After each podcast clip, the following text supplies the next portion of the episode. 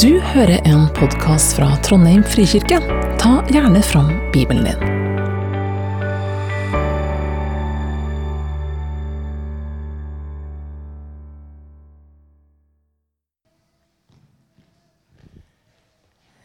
Vi skal lese fra Lukas 15, fra vers 4 til og med 7. Dersom en av dere eier 100 sauer og mister en av dem, lar han da ikke de 99 være igjen i ødemarken og leter etter den som er kommet bort, til han finner den. Og når han har funnet den, blir han glad og legger den på skuldrene sine. Straks han kommer hjem, kaller han sammen venner og naboer og sier til dem.: Gled dere med meg, for jeg har funnet igjen den sauen som var kommet bort. Jeg sier dere, på samme måte blir det større glede i himmelen over én synder som vender om, enn over 99 rettferdige som ikke trenger til omvendelse.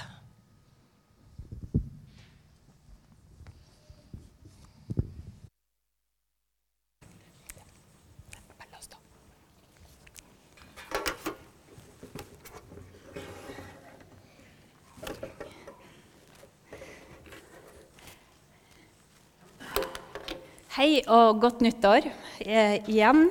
Godt å se dere. Nå starter vi altså denne taleserien The Chosen sesong 2. Og den skal gå helt fram til det blir grønt og varmt. Og det blir så deilig.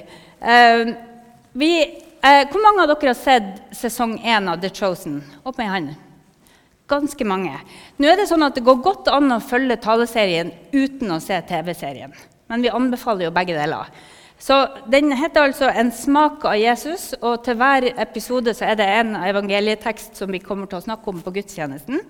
Og så kan dere se serien, og i det gruppeheftet som, eh, som dere fikk i døra, så er det både spørsmål til talen og til TV-serien.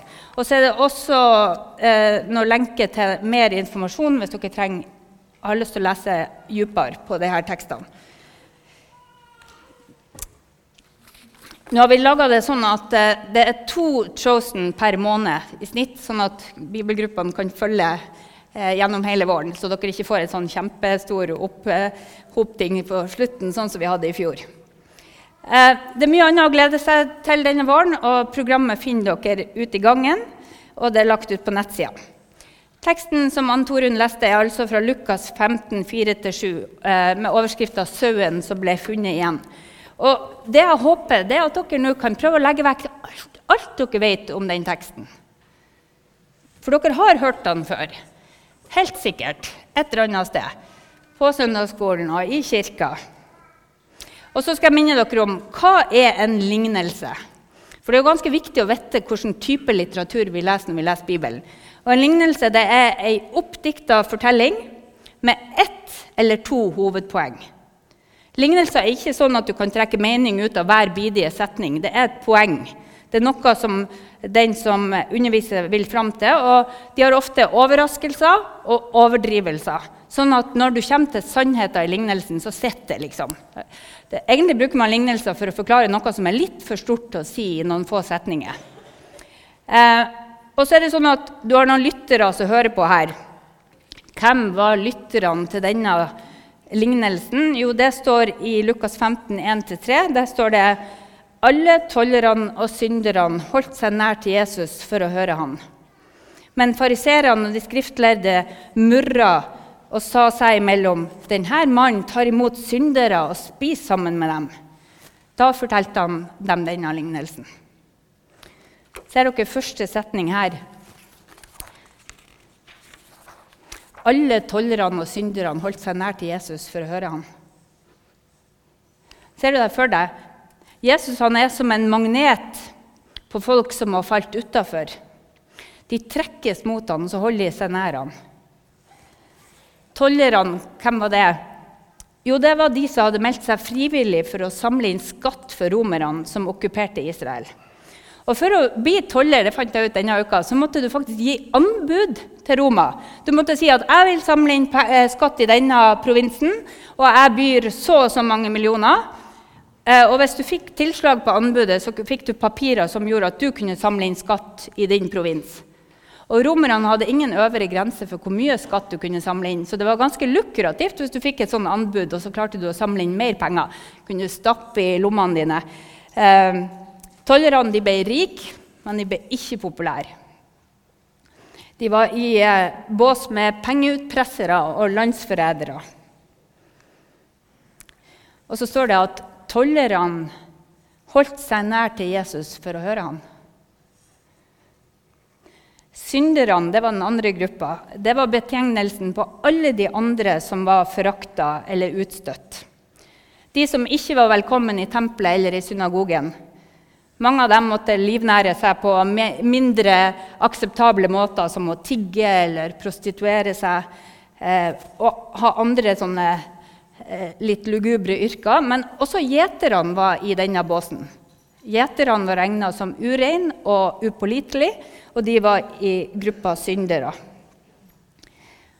Synderne holdt seg nær til Jesus for å høre han, står det. Og Her stoppa jeg opp og så tenkte jeg, hva er det med deg, Jesus, som gjør at alle de her våger seg nær deg og ville høre på deg? Hva søkte de? Hva ga du dem, Jesus? Var det de der gode øynene dine som trakk dem inn? Eller var det helbredelsene de visste at du kunne utføre? Var det det du sa, Jesus? Når jeg leser en bibeltekst, så liker jeg å gjøre sånn som det der. Og late som om jeg er inne i teksten. Og så ser jeg meg rundt, og så lukter jeg litt, og så hører jeg litt. Og så ser jeg på naboen og så prøver jeg å tenke hvordan blir det opplevd fra den og den og den sin side. Og Det er det som er så fint med denne TV-serien, det er at den, den, tar deg inn i historiene. Og så lager den til og med litt historier imellom historiene, sånn at vi kan få en opplevelse av at det henger sammen. Du får masse aha-opplevelser hvis du går inn i bibeltekstene på den måten. For det står at alle tollerne og synderne holdt seg nær til Jesus for å høre ham. Men de andre som var der da, de ble provosert. Mer og mer provosert. I vers 2 står det at eh, fariserene og de skriftlærde murra og sa seg imellom denne mannen tar imot syndere og spiser sammen med dem. De religiøse lederne, altså de som kunne Skriftene, og de som kunne de jødiske lovene, de murra, eller knurra, som det står i en oversettelse. De likte ikke at Jesus behandla tollere og syndere som venner og spiste med dem. De hadde regler for sånt. Ja, masse regler. Og noen av de reglene hadde de skrevet sjøl, så det var viktig for dem at de skulle holdes. Og Jesus han hører da denne murringa, og så forteller han dagens lignelse. Dersom en av dere eier 100 sauer og mister en av dem Kanskje så det sånn ut. Og Før jeg leser videre, så må jeg minne om at sauer på Jesu tid var ikke sånne lettstelte norske sauer som kunne gå fritt i utmark. I et varmere klima der det var lite mat, lite regn, der måtte du ha en gjeter. Saueflokkene måtte ha en gjeter for å finne mat og vann. Og så hadde de mange fiender i naturen og så hadde de mange plager som de trengte hjelp mot. Så en gjeter han skulle både holde flokken samla, og så skulle han beskytte dem, og så skulle han sørge for mat. Så det betyr at en gjeter eller en saueeier han måtte verne om flokken 24-7. Og så var det ikke uvanlig at en sau kom bort fra denne flokken. Kanskje den ble skremt av et dyr, eller den bare datt nedfor en skrent. Vet dere at En sau som havner på ryggen, han dør ganske fort. Han kan ikke snu seg tilbake. Så hvis dere finner en sau ute som ligger på ryggen, så må dere snu han for å berge livet hans. Dette gjorde gjeterne stadig vekk. Eh, jeg har også prøvd en gang. Det var ganske skummelt. Eh, en sau kunne også komme bort fra flokken bare fordi den gikk for å finne litt mer mat og litt mer mat og litt mer mat. Sånn at den kom liksom utforska området litt for langt. Og sauer er ikke de smarteste dyrene når de kommer bort. Hund og katt kan komme hjem lenge etterpå, men en sau finner ikke veien hjem. En sau må ha hjelp til å finne veien hjem. Sauer var de et av de mest hjelpeløse av husdyrene. Og det visste alle de som sto rundt Jesus og hørte på ham. Så nå skal jeg lese denne lignelsen en gang til i sammenheng. Dersom en av dere eier 100 sauer og mister én, lar han da ikke de 99 andre være igjen ute i ødemarka og lete etter den som har kommet bort til han finner den? Og når han har funnet den, blir han glad og legger den på skuldrene sine. Straks han kommer hjem, kaller han sammen venner og naboer og sier til dem.: Gled dere med meg, for jeg har funnet igjen den sauen som var kommet bort. Jeg sier dere, på samme måte blir det større glede i himmelen over én synder som vender om, enn over 99 rettferdige som ikke trenger omvendelse. Jeg spurte Svein Arne om han kunne lage et bilde av det her. Han brukte sånn Artificial Intelligence, AI, og så har han bare programmert den til å vise en glad gjeter. Jeg syns det ble et fint kunstverk. Kanskje så de for seg en sånn en. Eh, en saueeier som har funnet igjen sauen sin. Står at Han legger den på skuldrene sine og tar den med til flokken. Og så står det at det var så stort at han innkalte til fest. Jeg har jo lurt på om du ikke bruker pengene som du tjente på å finne sauen, til å lage festen, men sånn er denne historien. Det er liksom sånn overdådig du feirer. Gled dere med meg, for jeg har funnet igjen den sauen som har kommet bort. Kanskje den sauen her hadde navn, sånn som besteforeldrene mine sine sauer hadde.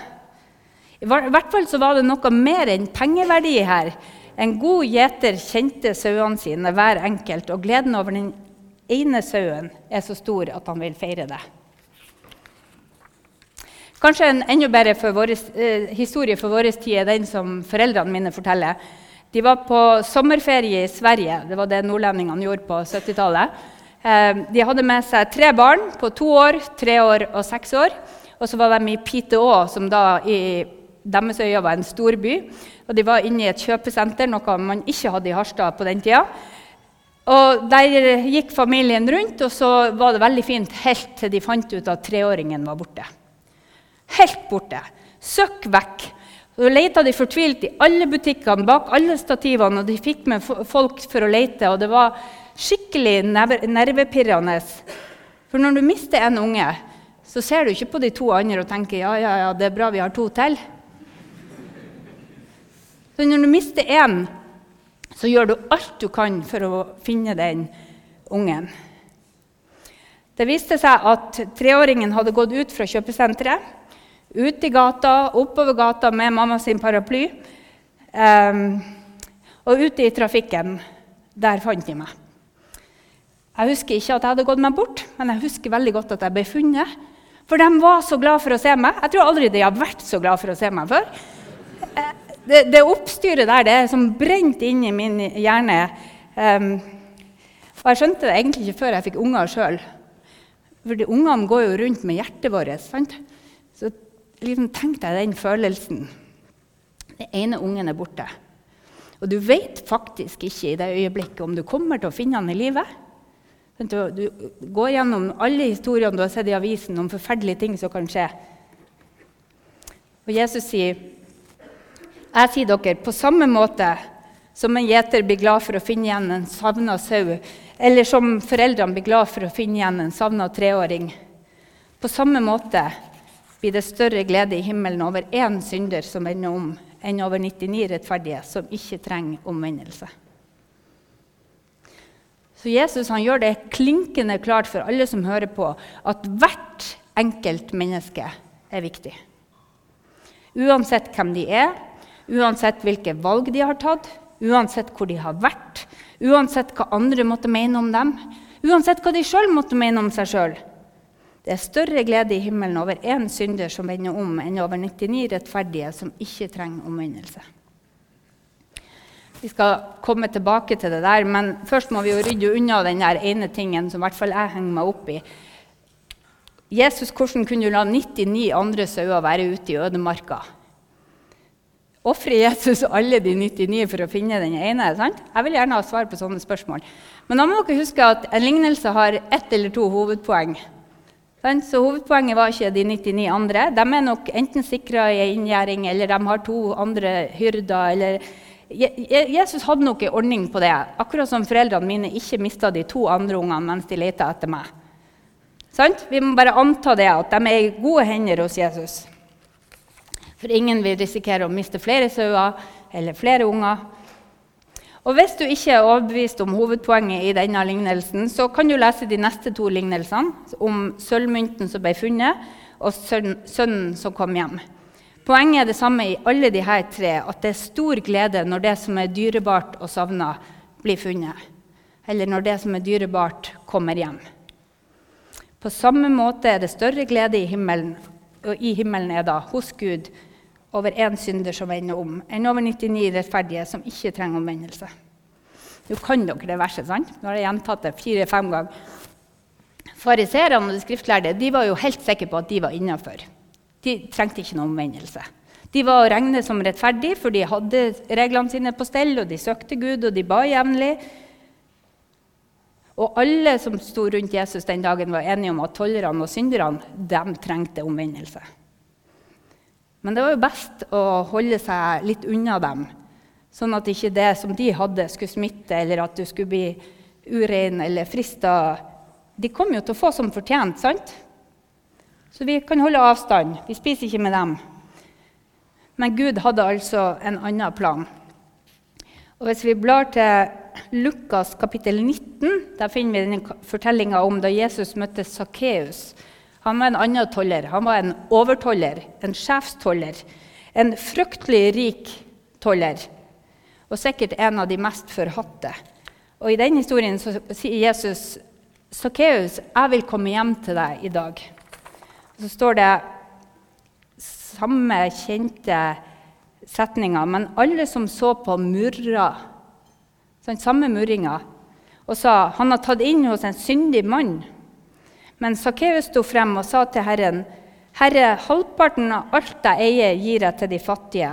Og har jeg pressa penger av noen, skal de få firedobbelt igjen.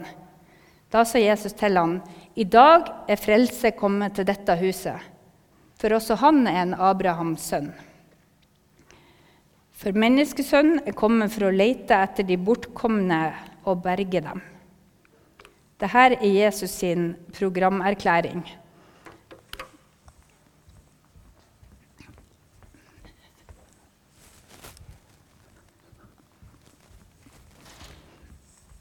Bare se om denne covid-stemmen min kan komme tilbake.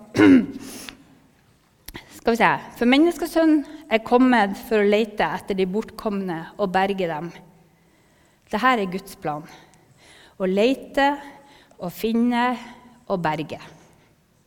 Å lete og finne og berge. Å møte med Jesus det forvandler Sakkeus sitt liv. Han er berga fra det som på overflata så ut til å være et godt liv, med rikdom og privilegier til et liv sammen med Jesus. Det skjer en omvendelse.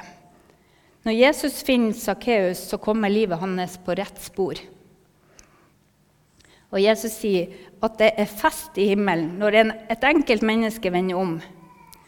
Ser du for deg englehæren fra julaften? Husker dere, husker dere den? Som synger eh, halleluja eller happy birthday, og så tar Gud fram konfettien. Og så vet ikke jeg engang hvordan jeg åpner sånn, så jeg skal ikke gjøre det. Men tenk dere den festen som Jesus prøver å beskrive her. At det er fest i himmelen og ett menneske. Når Sakkeus, når du, når den du er glad i, tar imot Jesus. Velkommen inn i Guds rike, i Guds familie, der den minste er den største, og den siste er den første, og der den som trodde den var utafor, hører hjemme. Sånn er livet i Guds rike. Det er sånn opp-ned-rike. Men så er spørsmålet da trenger alle mennesker frelse. Er ikke det et litt negativt menneskesyn å kalle mennesker for syndere? For det er ikke lett å forklare mennesker at de er syndere hvis de ikke føler seg som det. Har du merka det? For vi er jo mennesker som setter som mål å klare oss sjøl vi vil ha autonomi, selvstyre, frihet. Og mange er faktisk så heldige at de kan klare seg ganske godt sjøl. Så har de konstruert sitt eget livssyn der de har plukka opp det de liker fra Jesus, og det de liker fra yoga, og det de liker fra humanismen. Men ordet synd er veldig sjelden en del av det språket. Jeg merker at jeg prøver å unngå det sjøl. For ordet synd vekker så utrolig mange negative minner om ting som jeg har hørt. Til og med om preiker jeg har hørt, som gjør at liksom, jeg prøver å lete etter andre ord. For det er lettere å snakke om å komme hjem til Jesus enn å snakke om å bli frelst. For mange føler ikke noe behov for noe frelse. Hva skal de frelses fra? Og kanskje alle i stille stunder innrømmer at de trenger å frelses fra egne onde lyster og impulser. Men så lenge vi klarer å holde det sånn i sjakk og i skjul, så går det vel bra. Sånn tenker mange. Men hva er synd? Og et av de grunnleggende ordene for synd i Det gamle testamentet det er det hebraiske ordet 'hata'. Hata. Eh, som kan oversettes med 'å bomme på målet' eller 'å ta feil av veien'. Så ordet brukes om å bomme når man skyter på blink. Så synd er å bomme på målet. Eller å forville seg bort, sånn som den sauen i lignelsen. Så synd handler ikke bare om det vonde som vi gjør og vi tenker. Det handler om det også, men det handler om alt det gode som tar plassen for fellesskapet med Gud. Alt det som trekker oss bort fra Gud, bort fra det vi var skapt til. Så å bli funnet og berga av Jesus er det samme som å komme hjem til Gud. Og det å vende seg om betyr egentlig å ta hånda til Jesus og la han lede på den veien han vil at vi skal gå. Inn i det nye livet sammen med han. Og Det står mye fint om det i Bibelen. I Johannes 10, 27 så sier Jesus.: Mine sauer hører min stemme. Jeg kjenner dem, og de følger meg.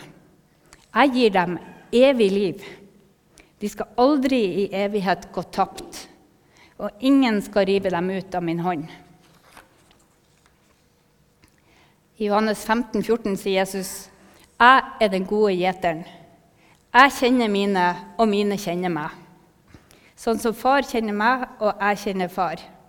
Jeg gir livet mitt for sauene.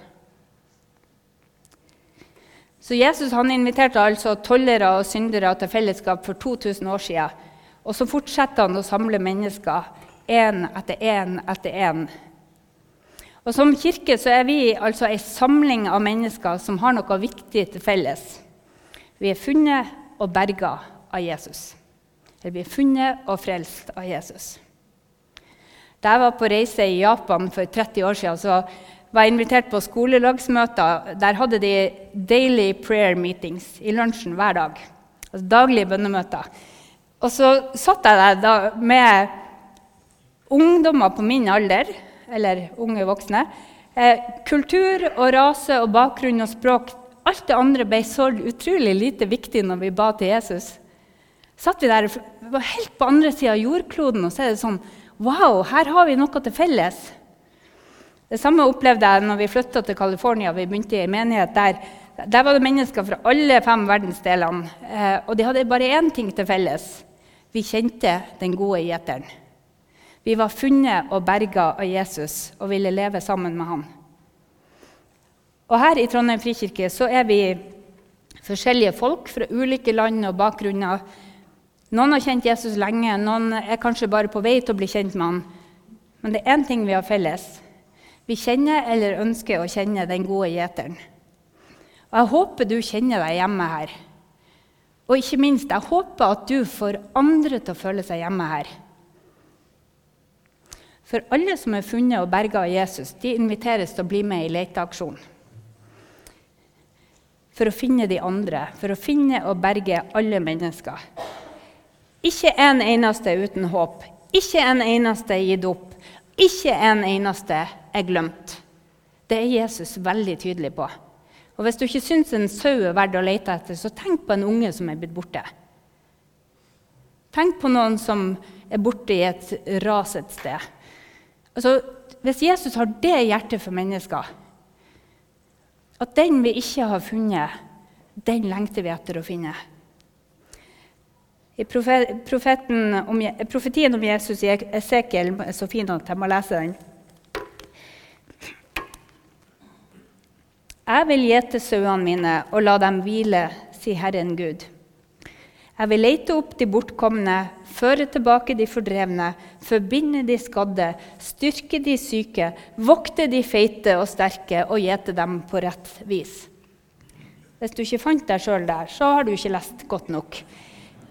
For her er vi alle sammen. Sånn er Jesus. Og I Markus 16, 15 så sier Jesus til disiplene sine.: Gå ut i hele verden og forkynne evangeliet for alt som Gud har skapt. Den som tror og blir døpt, skal bli frelst. Eller berga. Dette er en utrolig tillitserklæring fra Jesus. sant? Han sier at når du er berga, så kan du være med og lete. Når du er berga, kan du være med og lete. Og Visjonen til Trondheim frikirke er jo sammen med Jesus ut til mennesker.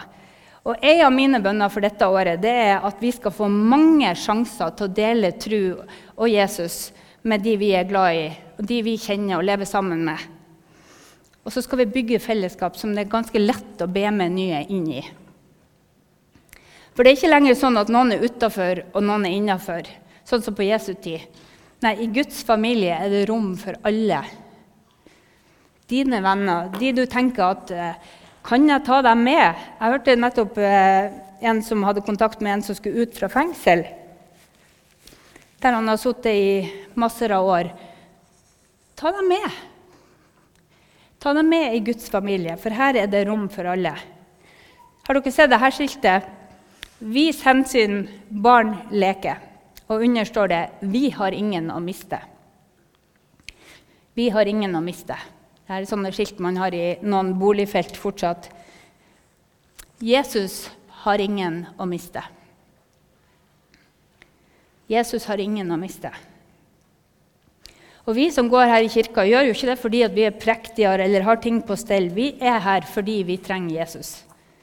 Han som møter oss her i brødet og vin i nadværen, i tale, i sang, i bønn. Jesus er her ved sin Hellige Ånd. Vi er her fordi vi tror at Jesus har berga oss da han sona alle våre synder. Vi har en god gjeter, en som bærer tunge Vet dere at de er 50-90 kg, de sauene? Det er ikke et lam det er snakk om. Jesus har en historie der han har en svær, tung sau. Ingebrigt fortalte onkelen som bar sauen ned fra beitet, for han hadde skada seg. og Så sleika sauen han i, i nakken, fordi at du svetter jo når du går med en sånn så sauen brukte han som startstein. Det er ganske strevsomt å bære en sau hele veien hjem. Men en sånn gjeter er det Jesus beskriver. Og så har han overskudd til å holde fest på kvelden. Jesus har ingen å miste. Og hvis du er som meg, så har du rota deg bort fra Jesus mer enn én en gang. Kanskje du mista perspektivet en periode og glemte hva som var aller viktigst. Jesus sier 'velkommen hjem igjen'. Hans nåde er ny hver morgen. Og det, til deg som ikke forteller og tror, eller som syns ord som synd og frelse er gammeldags eller bare irrelevant Jesus vet hva du tenker. Han vil lete etter deg også. For Jesus har ingen å miste. Og du trenger ikke ha alt på stell eller ha alle svar. Jesus har sørga for at det ikke er nødvendig. Det er ikke nødvendig. Jesus har ingen å miste.